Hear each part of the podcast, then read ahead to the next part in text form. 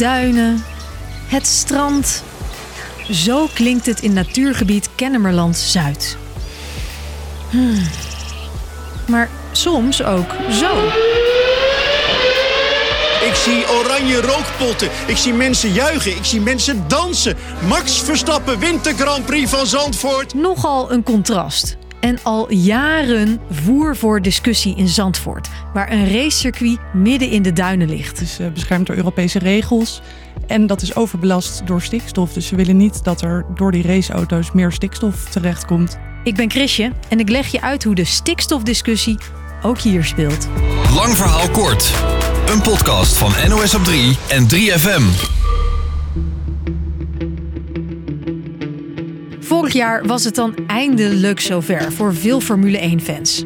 Waanzinnig! Zo trots op Zandvoort, zo trots op Zandvoort. Echt waar. Na 36 jaar, een hoop gelobby en een pandemie werd er weer met Formule 1-auto's geraced op het circuit van Zandvoort. Trots op Max, trots op Zandvoort. Geweldig!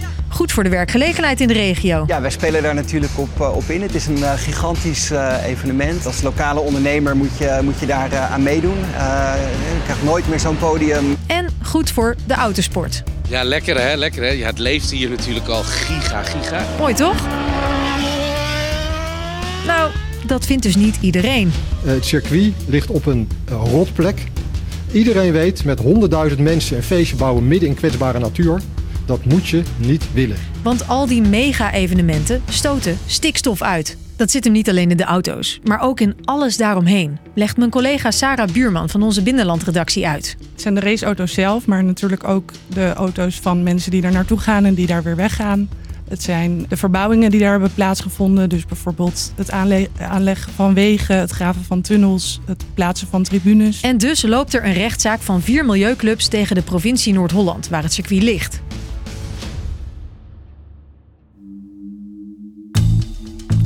Waar gaat het over? Kijk, je mag in bepaalde gebieden maar een bepaalde hoeveelheid stikstof uitstoten. Daar gaan ook de boerenprotesten over.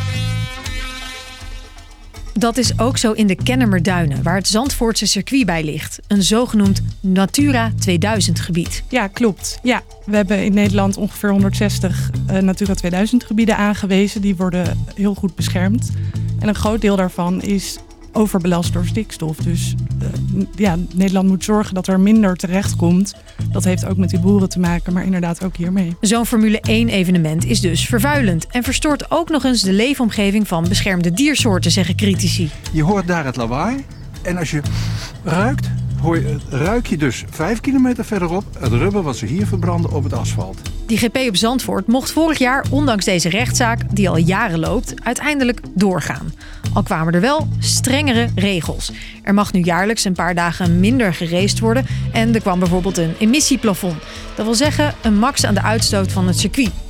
Alleen zeggen die natuurclubs: ho ho ho, die stikstofcijfers van het circuit, daar klopt niks van. Die berekeningen zijn niet goed. En nu wordt het een beetje een ingewikkeld verhaal. Maar gelukkig hebben wij Sarah. Bij stikstof gaat het er altijd om. Is er in een nieuwe situatie meer stikstofuitstoot of minder dan vroeger? Tja, maar wat is vroeger? De natuurclubs zeggen: vergelijk het met de situatie uit 2011. Toen waren er namelijk al stikstofregels in dat gebied. Maar wat de provincie doet, is kijken naar een hele oude situatie, 1997, toen alles mocht. En dat is niet het enige. Die rekensommen waarmee de uitstoot is berekend, die lijken ook niet helemaal oké. Uit dat onderzoek bleek inderdaad dat het circuit een beetje gekke gegevens heeft gebruikt. Namelijk uitstootcijfers van normale auto's uit de jaren 60 en 70.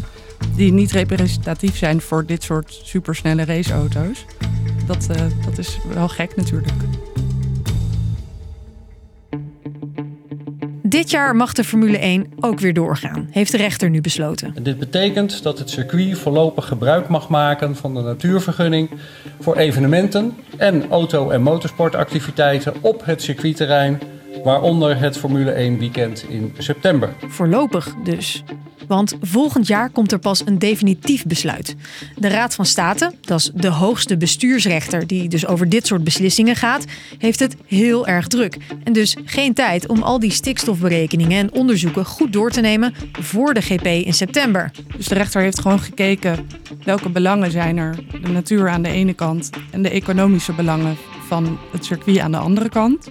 Nou, dan gaat het over al die investeringen die het circuit heeft gedaan en ook bijvoorbeeld de gemeente Zandvoort. Nou ja, en de rechter heeft nu dus besloten in het belang van het uh, circuit.